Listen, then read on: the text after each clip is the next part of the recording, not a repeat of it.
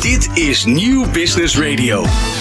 Welkom bij weer een nieuwe aflevering van Van A tot Z Succesvol met Hesseljan Smink.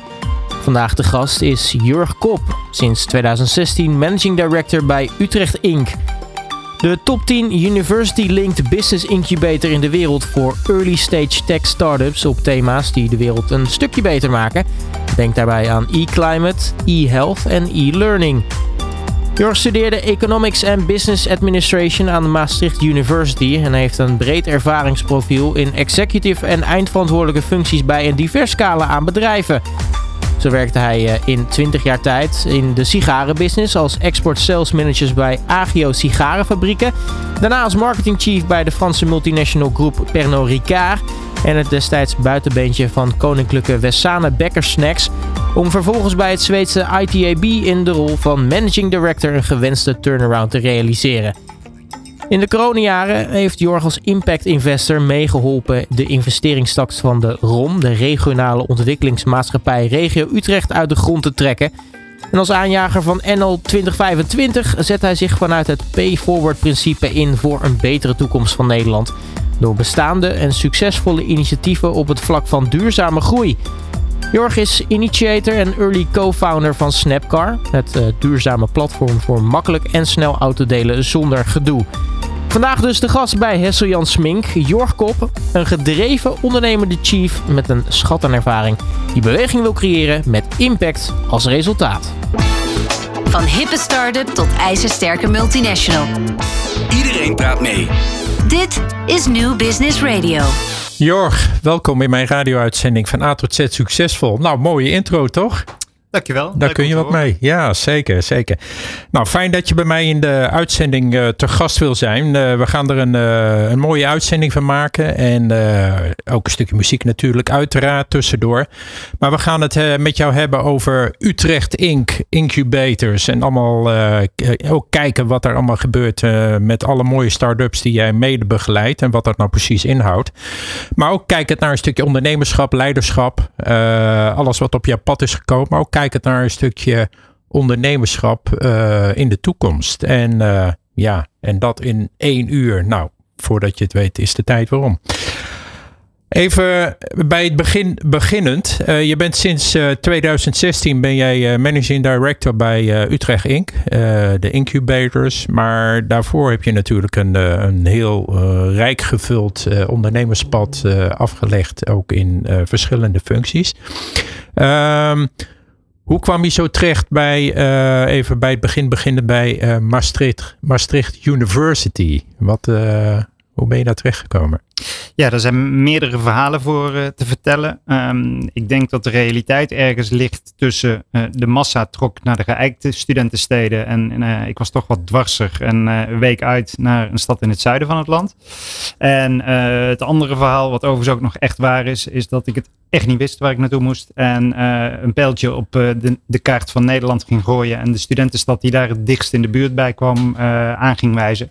Maar ik ben blijkbaar niet zo'n goede dachter. Dus het pijltje viel diep. Oh, Oké. Okay. kwam dus in Limburg uit. Het is niet zo dat je in Maastricht uitkwam en dat je toen dacht van laat ik nog een keertje gaan darten en ik kom uit bij de studie uh, Economics and Business Administration. Dat was niet zo. Nee. Nee, dat, uh, dus dat was wel heel erg uh, met voorbedachte raden.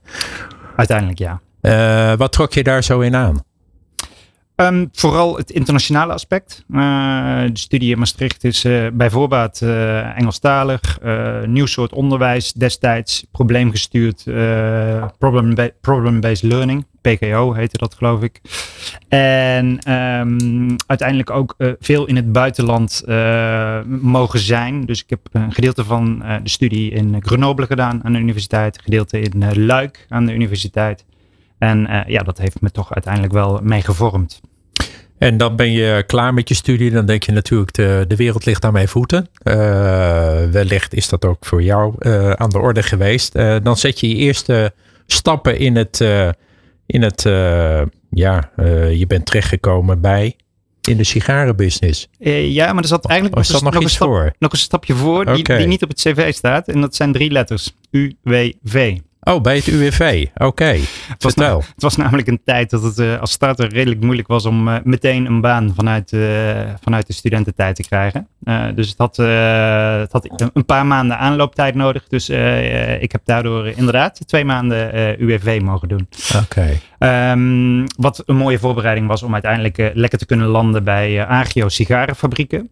Eh, sigaren is niet meteen het product waarvoor je zegt: eh, ga nou eens business economics studeren. En eh, dat is een logische stap dat je uiteindelijk bij zo'n bedrijf terechtkomt. Echter, het leuke is wel dat het een bedrijf was die uiteindelijk de stap naar de ver- vernieuwing en de verjonging moest Ben je daar ook afgestudeerd of hoe, hoe ben je daar zo nee, terechtgekomen? Nee, echt, echt terechtgekomen Ja, als, als, volgens mij als junior product manager heet dat dan. Ah. Marketingafdeling. En zo naar de sales doorgegroeid. En zo eh, binnen, binnen een paar maanden mocht ik eh, de export gaan doen. Ja. En wat is dan het verschil voor jou geweest dat je net afgestudeerd bent en je denkt de, de wereld ligt aan mijn voeten en dan kom je toch in zo'n operatie terecht? Hè? Want we gaan het straks hebben over de start-ups, de incubators. Hoe, hoe heb jij dat ervaren? Ehm, ik vond dat eigenlijk wel heel erg boeiend. Want ehm, het bedrijfsleven stond in de studie, vond ik, nog relatief ver weg. Dus je wordt gevormd of voor de academia of voor het bedrijfsleven. Maar helemaal niet eh, voor start-up leven. Dat bestond toen eigenlijk ook nog niet. Dus eh, je moet daarin ook echt wel je eigen pad gaan volgen. En eh, het leuke bij Agio was dat ik dacht dat ik meteen in een hele operationele rol terecht zou komen. Maar op de dag dat ik mijn laatste sollicitatiegesprek had gehad, eh, werd ik thuis nog op de thuistelefoon. Want de mobiele telefoon was er natuurlijk nog niet. Gebeld. waarbij, weet gelijk dat je 28 bent. ja, precies, precies. Eh, waarbij uiteindelijk ehm Agio ook nog een keertje vertelde: ja, bij de functie van junior hoort bij ons ook wel een auto van de zaak en een eh, creditcard. En eh, de bedoeling is dat je exportmanager wordt en dan mag je reizen. En dat is ook veel business class en dat is ook de creditcard van het bedrijf erbij. Dus ik dacht toen wel: oh, dit kan best wel eens heel erg leuk gaan worden.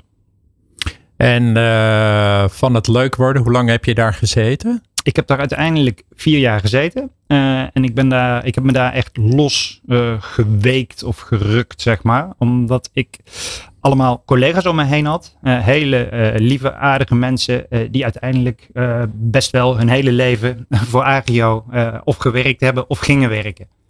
Dus daar zat heel veel loyaliteit in die organisatie en familiegevoel. Het was ook een familiebedrijf in die tijd.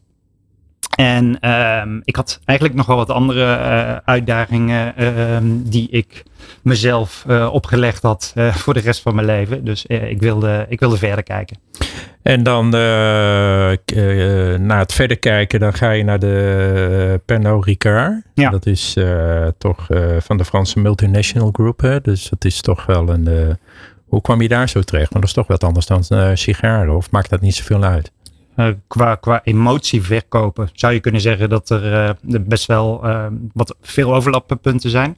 Maar het, de, de reden dat ik daar uiteindelijk terecht kwam was voor Agio zat ik veel in Spanje. Veel in Madrid. Nou, als je veel ergens in een stad zit, dan blijf je er ook vaak overnachten. En als je vaak, vaak blijft overnachten, als je jong bent, dan wil je ook op stap. Dus daar vrij veel eh, uitgaande locaties gezien. En ehm, daar kwam ik heel veel Havana Club Rum tegen. Havana Club Rum in Nederland bestond nog niet. Eh, en het leek me wel leuk om met dat merk in Nederland te gaan pionieren. Eh, dus eh, ik ben toen gaan kijken, waar zit dat merk? Nou, uiteindelijk kwam ik bij Pernod Ricard uit. En die zeiden eigenlijk van, nee, het merk is van ons. wij gaan daarmee aan de slag. Maar jij mag het wel voor ons gaan doen. Kom het maar voor ons doen. En hoe lang heb je dat gedaan? Dat heb ik uiteindelijk 13 jaar gedaan, als ik me niet vergis. Dus dat is een hele periode in een eh, Frans bedrijf. Eh, een Frans bedrijf over het algemeen karakteriseert zich wel door meer, meer hiërarchie eh, dan je wellicht in Nederland tegen zou komen. Ehm, maar ook een bedrijf wat heel erg in verandering was. In verandering doordat er continu bedrijven bijgekocht werden wereldwijd. Wij lokaal weer konden integreren, nieuwe merken van eh, eh, ouderwets verkopen naar smart selling. Dus eh, veel meer eh, je, je, je facts en figures eh, in orde hebben. En ja, dat heeft uiteindelijk geleid tot een reis van eh, 13 jaar. Ja, en dan ga je na 13 jaar, dan maak je een afweging. Hè, want je was marketing chief bij eh Pernod Ricard. En dan ga je naar een buitenbeentje van Koninklijke Westzaan. en dat is Becker Snacks. Ja. De, vertel eens, is dat een uh, rode draad die ik nog niet kan volgen, maar leg eens uit. Nee, dat heeft denk ik ook wel weer te maken met die hele, ene hele rare kronkel in het begin, waarbij ik bij Panorica aanklopte, mag ik Havana Club gaan doen? Um, ik werd door de CEO van, van Bekkers destijds getipt uh, dat hij bezig was met een management buyout. En hij vroeg of ik dat traject met hem mee wilde gaan doen. En de manier om dat een beetje in te kleden was mij binnenhalen als interim marketing directeur. En op die manier hebben we, hebben we geprobeerd de boel los te weken. Helaas niet gelukt. Niet gelukt. En dan maak je de overstap naar het, uh, het Zweedse ITAP uh, in de rol van managing director. Hè, dus om een, uh, een turnaround te bewerkstelligen. Hoe, hoe kwam dat zo op je pad? Ja, dat was, was stiekem toch wel een pittige job. Um, die kwam op, op mijn pad via een headhunter. En ik werd getriggerd omdat daarin de eindverantwoordelijkheid lag in deze functie. En um, uh, het was bij dit bedrijf ook zo dat ze al jaren verliesgevend waren. Dus er moest bottomline veel gebeuren, maar wel de stabiliteit van een Zweeds beursgenoteerd bedrijf. Dus er was uithoudingsvermogen. Um, en, en, dat had jij? Nou ja, dat had in ieder geval het bedrijf financieel om, okay. om te zorgen dat we de boel door konden draaien. En het speelde vooral over de as van B2B was ik nog nooit eerder mee bezig geweest. Altijd veel in de B2C uh, uh, uh, gewerkt. En merken op dat, in, in die tak van sport waren nog wat minder belangrijk. Dus dat waren wel allemaal aanvullende eigenschappen die ik, die ik mee kon brengen. Om ervoor te zorgen dat we de turnaround konden maken. En zo heb je eigenlijk in uh, 20 jaar tijd heb je dus zeg maar uh, bij vele bedrijven gewerkt, veel uh, kennis opgedaan, ervaring. En dan maak je op een gegeven moment een stap naar Utrecht Inc. Nee, eigenlijk nee. Er zit nog een stap tussen en dat was Snapcar. Uh, dus ik heb uiteindelijk in 2011 samen met de compagnon, co-founder dus, Snapcar opgericht. En Snapcar is echt wel een start-up zoals je nu ook de start-ups om je heen ziet. In 2010 was er nog niet heel veel ondersteuning. En wij zijn toen bij Utrecht Inc. geland. Uh, Utrecht Inc. had toen uh, locatie beschikbaar en er, was wat uh, geld in, in de vorm van leningen te halen. Dus daar werden wij beter van. Dus zijn we ons daar gaan vestigen. vanuit die hoek Utrecht Inc. van binnenuit gezien. En een soort van, van Heintje Davids gemaakt een paar jaar later. Weer teruggekomen bij Utrecht Inc. Maar dan op de stoel als, als chief. En uh, dat is een periode van ongeveer 4, 5 jaar geweest. Uh, Snapcar, waar staat Snapcar nu? En ben je daar nu nog bij betrokken? Nee, ik ben daar niet meer bij betrokken. Ik ben er uiteindelijk in 2014, als ik me niet vergis, uh, uitgestapt. Wat was de reden? Wij zijn uh, Snapcar met heel veel energie begonnen uh, in 2011, wat ik net al noemde. Uh, en eigenlijk twee gelijkgestemde. ook als je kijkt naar de, de, de, de management rights kleurenprofielen. Uh, dan uh, waren we eigenlijk één op één, één op één hetzelfde.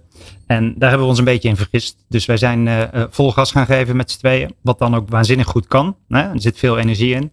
Maar op een gegeven moment ga je elkaar dan tegenkomen. En zijn we tot de conclusie gekomen dat het beter was voor het bedrijf. als één iemand wat meer naar de achtergrond zou gaan als aandeelhouder. En de andere de stoel van, van directeur zou gaan bekleden. En geef voor de luisteraars eens een voorbeeld waarin je je hebt vergist in dat traject. Um, als je een start-up begint, uh, dan uh, moet je er bij voorbaat uh, 100% van je tijd voor gaan. Maar die 100% van je tijd, die kan je weer op verschillende ehm, tijdstippen van de dag geven. ik had op dat moment ook al een gezin met drie, drie kinderen, die ik ook wat aandacht wilde geven. Dus ik zat al wat meer in een balanssituatie in mijn leven voor mijn gevoel. Uh, terwijl mijn, uh, mijn partner uh, echt nog de tijd en de energie had, was ook tien jaar, tien jaar jonger, om vol te kunnen knallen op tijden die voor mij af en toe wat minder goed uitkwamen. En ja, daar moet je, moet je naartoe werken om daar met elkaar een balans in te vinden. En dat was wel een van die punten, als voorbeeld. Uh, waar we uiteindelijk uh, wel regelmatig met elkaar over hebben gesproken. Zat ik bijvoorbeeld om uh, s ochtends lekker om acht uur op kantoor om mijn ding te doen en te wachten. Kom jongen, ik heb je nodig. waar blijf je nou? Terwijl hij s'avonds tot, tot elf uur, twaalf uur nog lekker bleef zitten. En ik al lekker thuis bij mijn gezinnetje was. Ja. En dan uh, komt geleidelijk aan, uh, wordt dat anders. Je zat al in het Utrecht Inkgebouw de, van de incubators. toen kwam daar een functie waarschijnlijk vrij. En zo is het balletje gaan rollen en ben je bij Utrecht Ink gestart. Correct. Uh, en als je de, de rol bij Utrecht Inc. bekijkt, dan is dat veel meer faciliterend. Hè? Dus uh, bij Snapcar was het echt aan, de, aan de steering wheel. En ben jij de ondernemer? En bij Utrecht Inc. zijn we vooral faciliterend bezig om te kijken hoe we ervoor kunnen zorgen dat die ondernemer versneld stappen naar de markt kan maken. En het proces waarbij jij de afweging maakte van oké, ga ik bij Snapcar verder of niet? Ik bedoel, dan op een gegeven moment dan valt het kwartje en dan neem je een beslissing. En was Utrecht Inc. dan een logisch gevolg of had je nog andere opties? De opties die op zo'n moment door je hoofd gaan is, uh, hmm, ga ik weer ondernemen from scratch? of ga ik weer mijn comfortzone in, lees meer richting de grote bedrijven. en kijk of ik daar een marketing of een eindverantwoordelijkheidsrol pak. Of ga ik iets heel anders doen? Iets wat weer een aanvulling is op alle activiteiten die ik tot nu toe ondernomen had.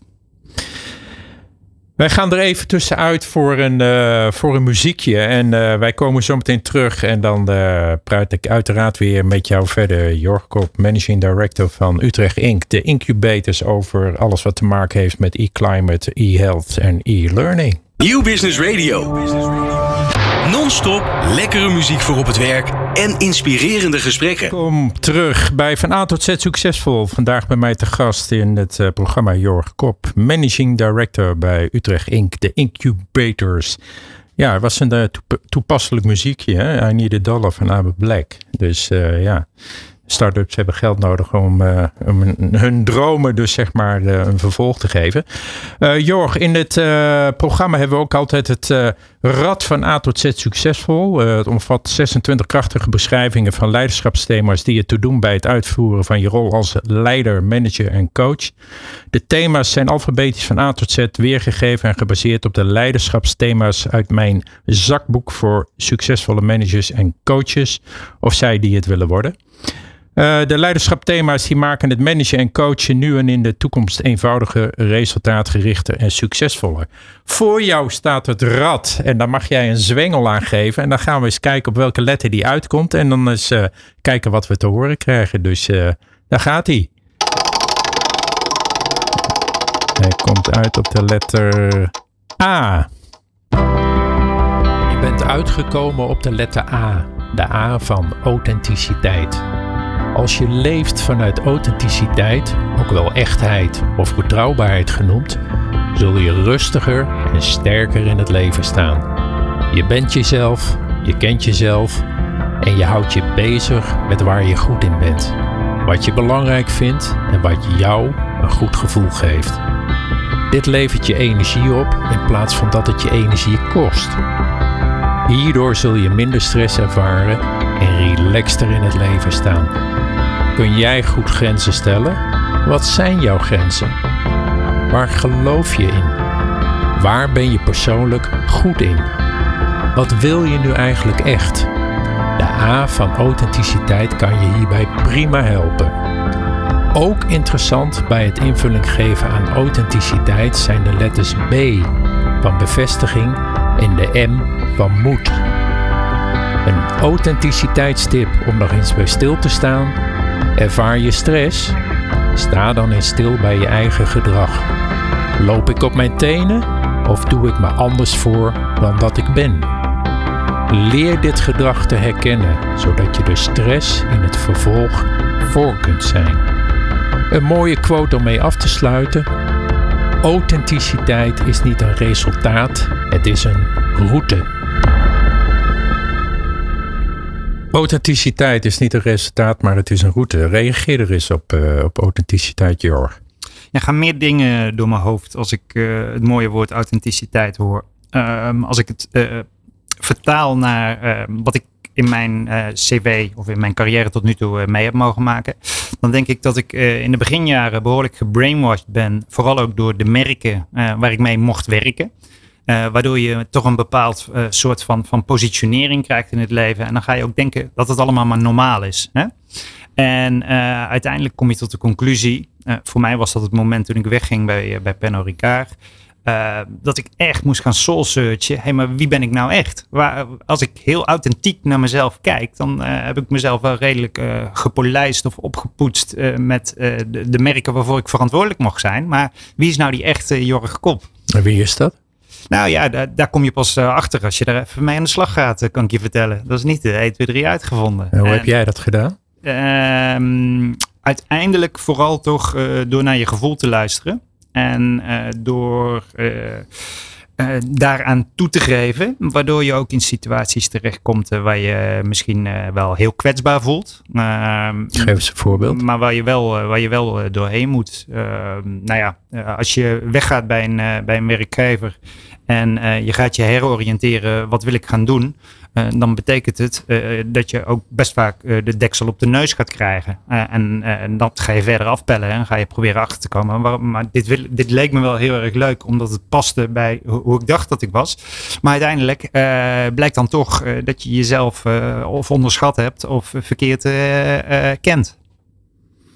En als je dan, uh, zeg maar, je kent jezelf, je, je bent jezelf. In, in wat voor fase zit jij nu zelf als, als leider, als managing director? Kun je er iets over zeggen? Ja, zeker. Ik denk dat, uh, dat ik veel meer in, in balans ben.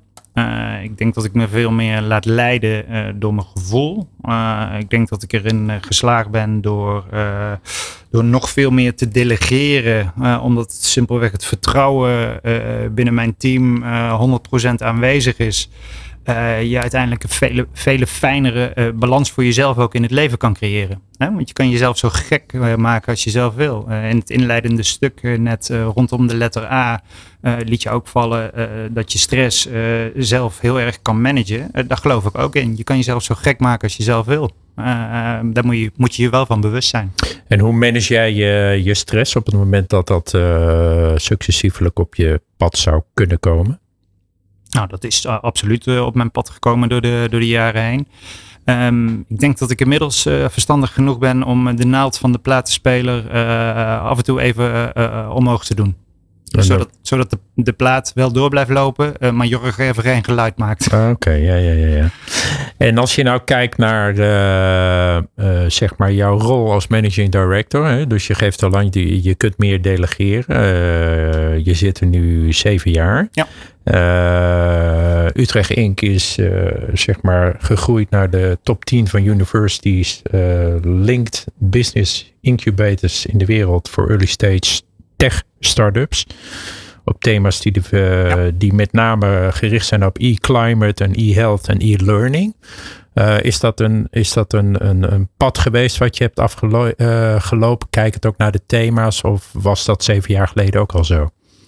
Die thema's die zijn wel vrij consistent door de jaren heen. En uh, de reden daarvoor is dat de aandeelhouders van Utrecht Inc. Universiteit Utrecht en UMCU zijn. En die veranderen hun beleid natuurlijk niet van jaar op jaar. Dus dat zijn langere termijn routes die ingezet worden. Maar de, normaliter binnen de universiteit is dat ongeveer een periode van vijf jaar. Is dat iets waar je dan aan gehouden bent? Of hoe werkt dat? Of wordt er ook naar jou geluisterd en dat je zegt, ja, maar we moeten toch wel schakelen, want e-climate is toch wel uh, vrij hot. Op dit nou, het, gaat, het, gaat zelfs nog, iets, nog iets verder, want uh, in de regio uh, werk je ook veel samen met tegenwoordig de regionale ontwikkelingsmaatschappij, regio Utrecht, een economic board Utrecht, de gemeente, de provincie. En als je erin slaagt om die thema's netjes op elkaar aan te laten sluiten, dan heb je als regio natuurlijk veel meer kracht en uitstraling naar de buitenwereld. En ik denk dat we uh, nu de fase met z'n allen in zijn gegaan, uh, dat dat uh, redelijk mooi synchroon loopt. En als je nou kijkt naar zeg maar de, de start-ups die in aanmerking komen om binnen Utrecht Inc. te vestigen, moeten die aan bepaalde voorwaarden voldoen of hoe werkt zo'n intake? Jazeker. Dus we zijn altijd op zoek naar start-ups die de wereld van morgen een stukje beter kunnen maken. Um, en verder zijn wij, ja, uh, het klinkt misschien heel raar, uh, in die faciliterende rol ook wel een soort van bedrijf. Dus wij zijn erbij gebaat dat aan de voordeur al een hele trits aan start-ups opgeleid staan om uiteindelijk deel te willen nemen aan de Utrecht Inc. programma's en de Utrecht Inc. community. Want als je een flinke lijst hebt, dan kun je ook net iets meer selecteren dan als je geen lijst hebt. Dus, en hoe doe je dat oplijnen dan? Dat je ja, precies. Dus, dus, in, die, in die acquisitie, zeg maar, hè, om uh, even naar de sales termen toe te gaan, is het voor ons wel heel belangrijk uh, dat we er ook op uitgaan. En erop uitgaan betekent uh, de krochten van de kennisinstellingen in, om te kijken welke kennis waar zit en welke kennis eventueel ehm, met een stukje hulp naar de markt toe te brengen is. Dus veel praten met wetenschappers, veel praten uh, met artsen, veel praten met uh, docenten, professoren, uh, veel praten met studenten, graduates van de verschillende kennisinstellingen.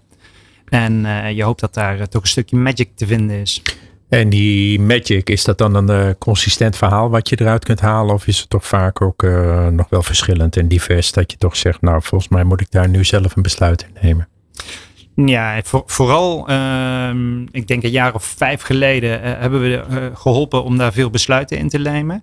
Eh, dat was ook de tijd dat er vrij veel copy-paste start-up ideeën voorbij kwamen van dus initiatieven die elders in de wereld al gelanceerd waren en hier het Nederlandse sausje overheen ging.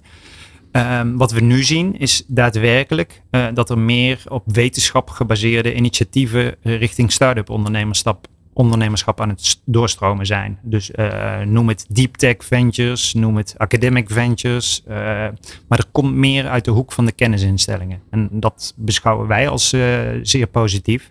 Omdat dat eigenlijk bij voorbaat allemaal al initiatieven zijn waar we op langere termijn als wereld van gaan profiteren.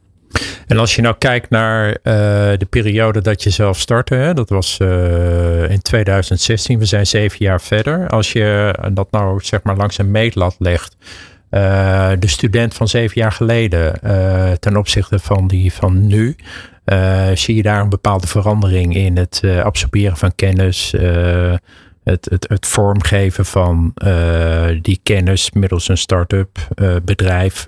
zie je daar ja, zeker, zeker, zeker. Ik kan me nog herinneren toen ik in 2016 begon en ik uh, aanwezig mocht zijn bij een dag uh, waarbij uh, de Career Services, heet dat, van de Universiteit Utrecht. Dat is de partij die eh, de voorlichting richting studenten doet.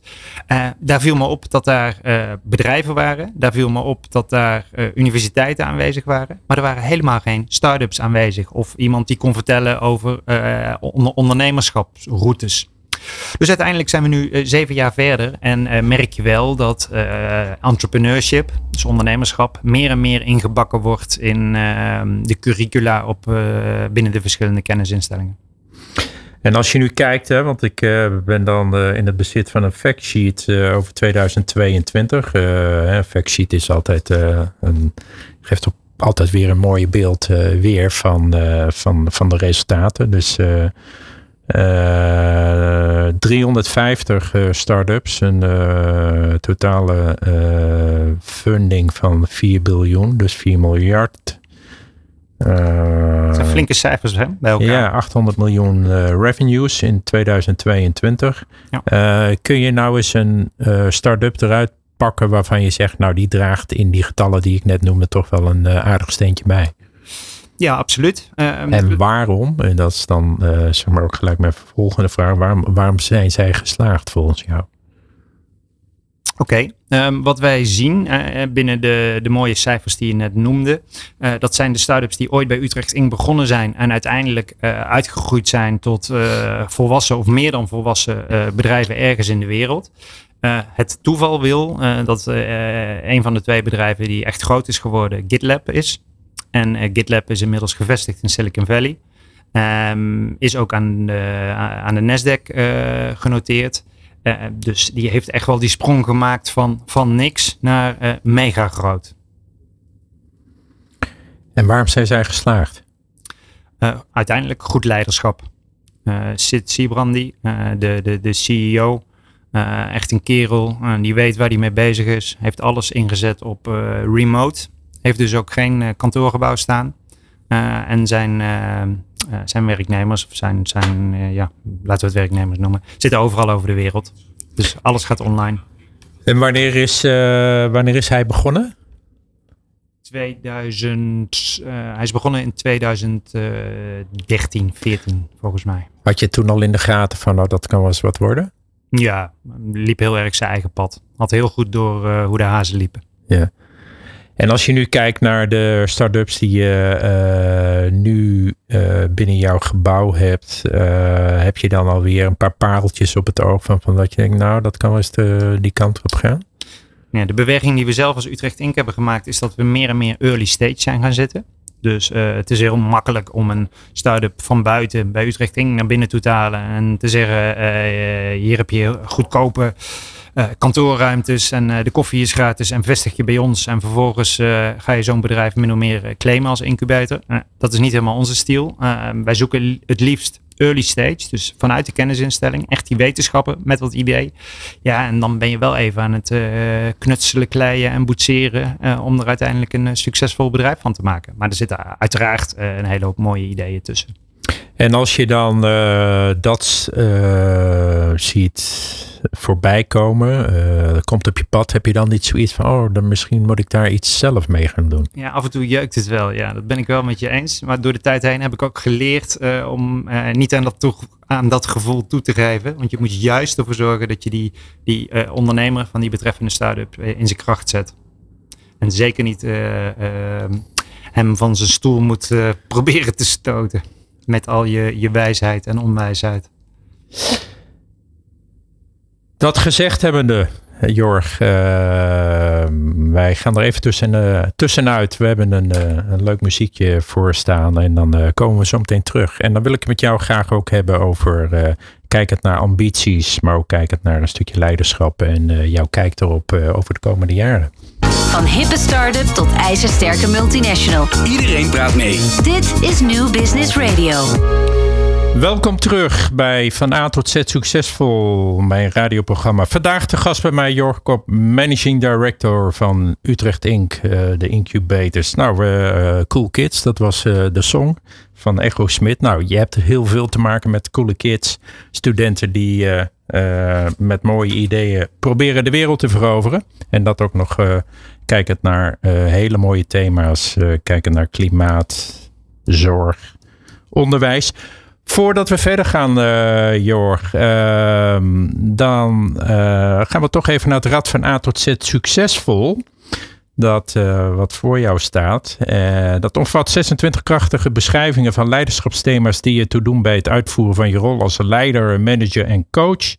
De thema's zijn alfabetisch van A tot Z weergegeven en gebaseerd op de leiderschapsthema's uit mijn zakboek voor succesvolle managers en coaches.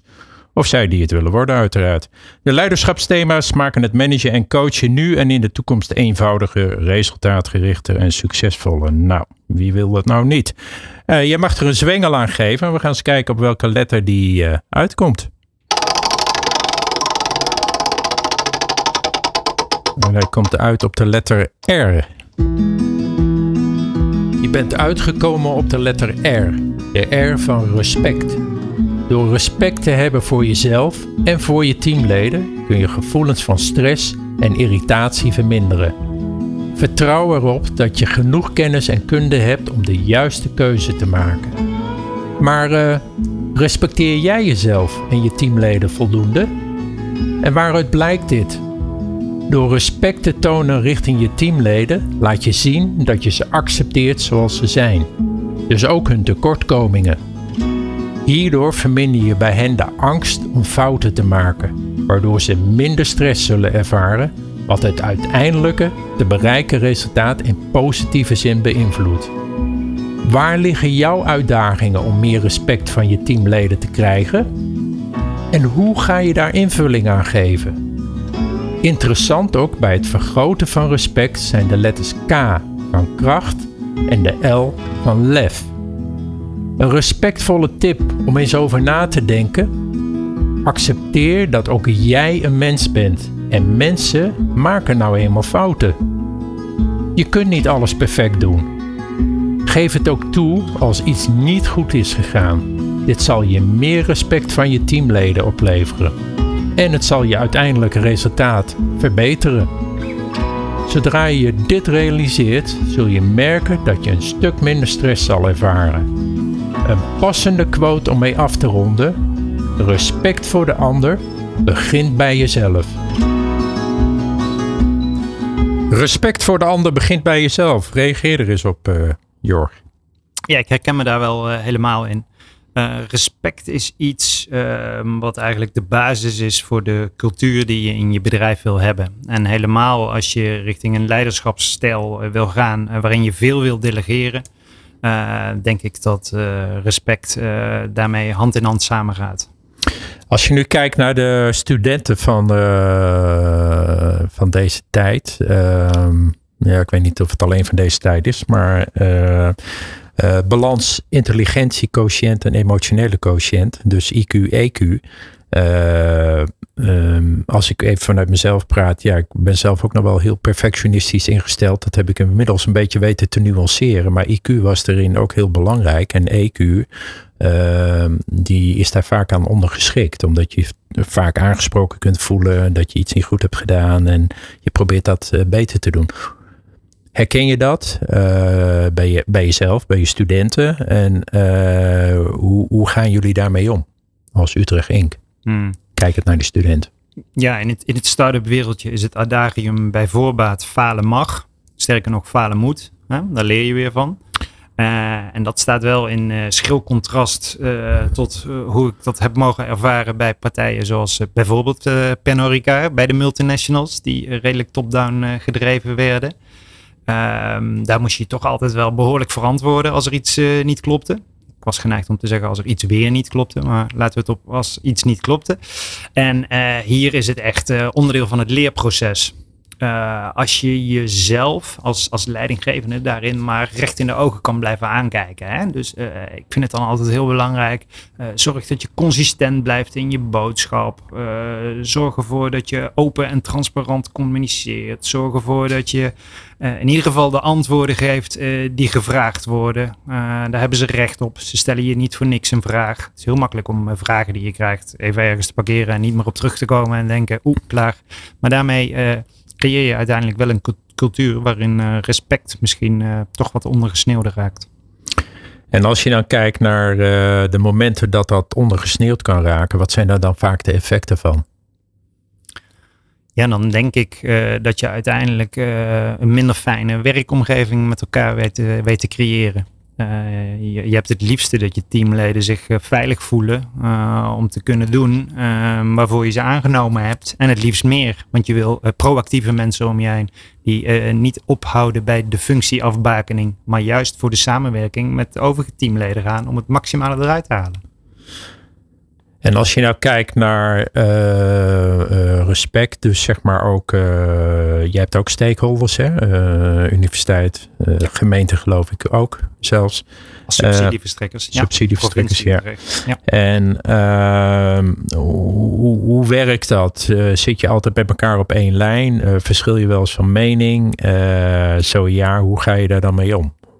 Tot, om toch tot een optimaal resultaat voor die studenten te komen. Hmm. Ik vind in alle eerlijkheid uh, dat we dat met elkaar uh, prima aanpakken. Uh, de conversatie is er. Ehm, als er items zijn waarover we mogelijk kunnen verschillen van mening, dan wordt dat besproken en dan komt er ook een oplossing op tafel.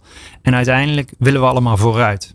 Dus waar je zeker bij gebaat bent, is als je ervoor zorgt dat die handremmen niet op zit. het werkt niet voor niks remmend.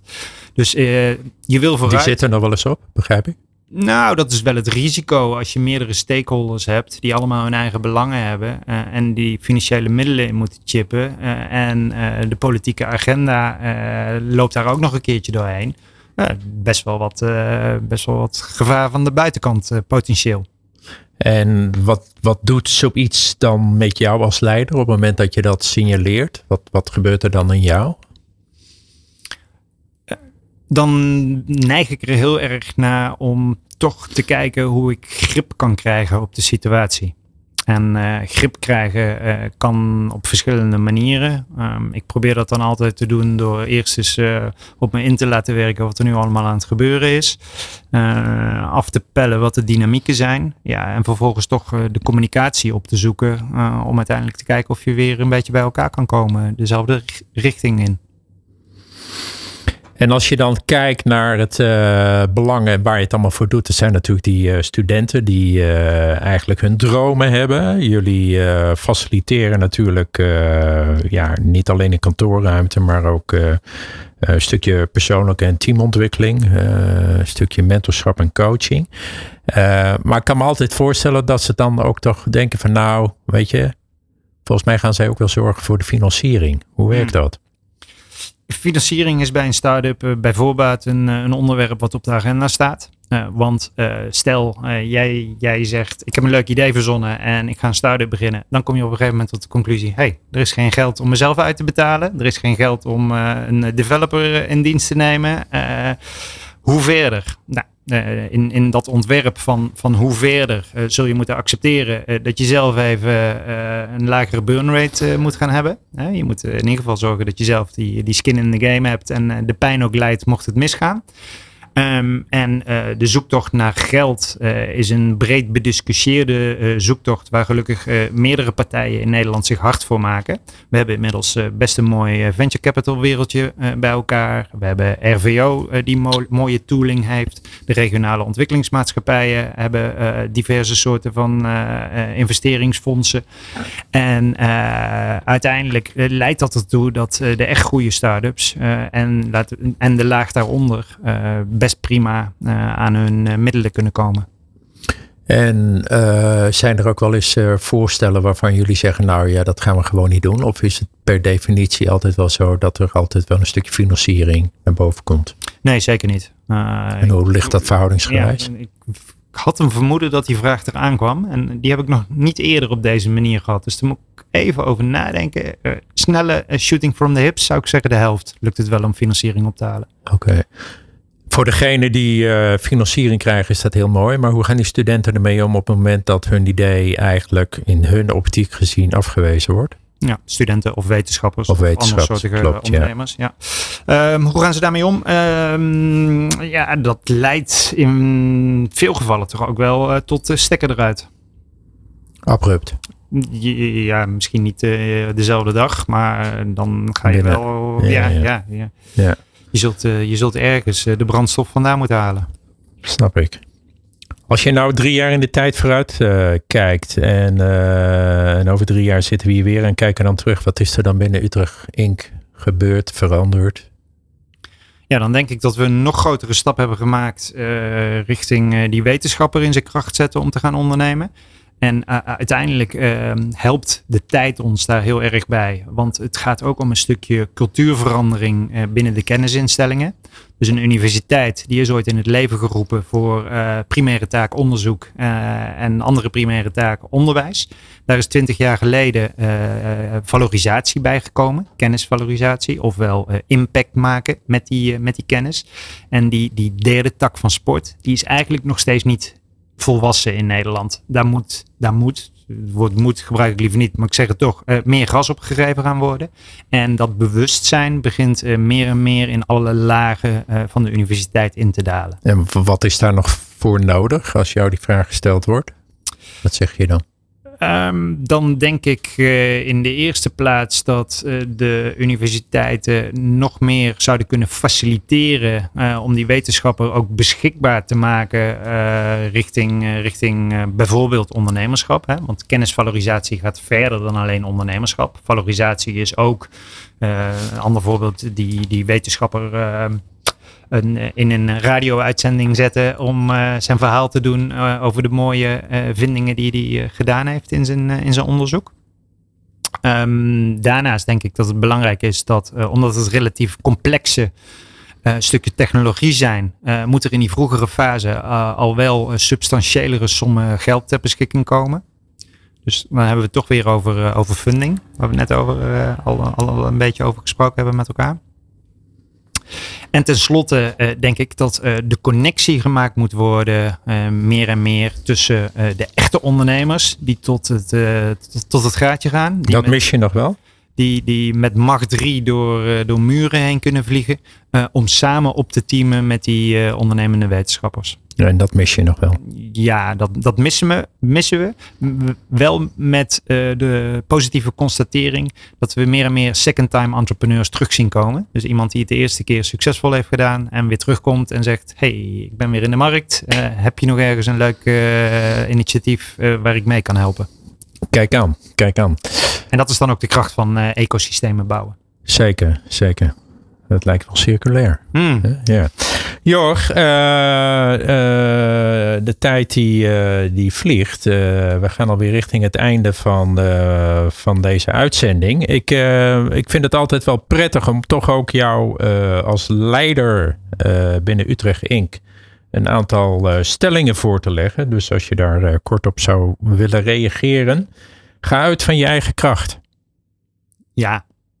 Wees consequent en flexibel tegelijk. Absoluut. Bescherm je grenzen. Heel belangrijk voor jezelf, ja. En, en uh, uiteindelijk ook belangrijk voor de mensen om je heen. Durf nieuwe dingen te doen. Ben ik helemaal voorstander van. Kom uit die comfortzone. Pak momenten voor jezelf. Ja, zeker. Uh, kan van tijd tot tijd echt wel een uitdaging zijn. Wees de leider uh, die je zelf wilt volgen. Hmm, klinkt mooi. Uh, ik denk ja, zonder hem helemaal te kunnen overzien. Loslaten is een houvast. Uh, en daarmee heel belangrijk, ja. Kijk achterom voor je een nieuwe stap zet. Nee, vind ik niet zo belangrijk. Als je achterom kijkt, uh, dan kijk je in het verleden. En het verleden is voorbij. We gaan voor de toekomst. Volg je hart, dat klopt. Uh, en zorg ervoor dat je hart blijft kloppen, ja. Nou, dat lijkt me een hele mooie, hartverwarmende boodschap uh, die wij de luisteraars mee willen geven. En ik wil in ieder geval de luisteraars dank voor het luisteren naar het radioprogramma van A tot Z Succesvol. Het radioprogramma die leiders inspireert om nog beter te worden in het managen of coachen van hun team. Iedere tweede donderdag van de maand tussen 11 en 12 uur te beluisteren op New Business Radio. Jorg, dankjewel uh, voor jouw aanwezigheid en uh, heel veel succes toegewenst. Veel dank. Dit is New Business Radio.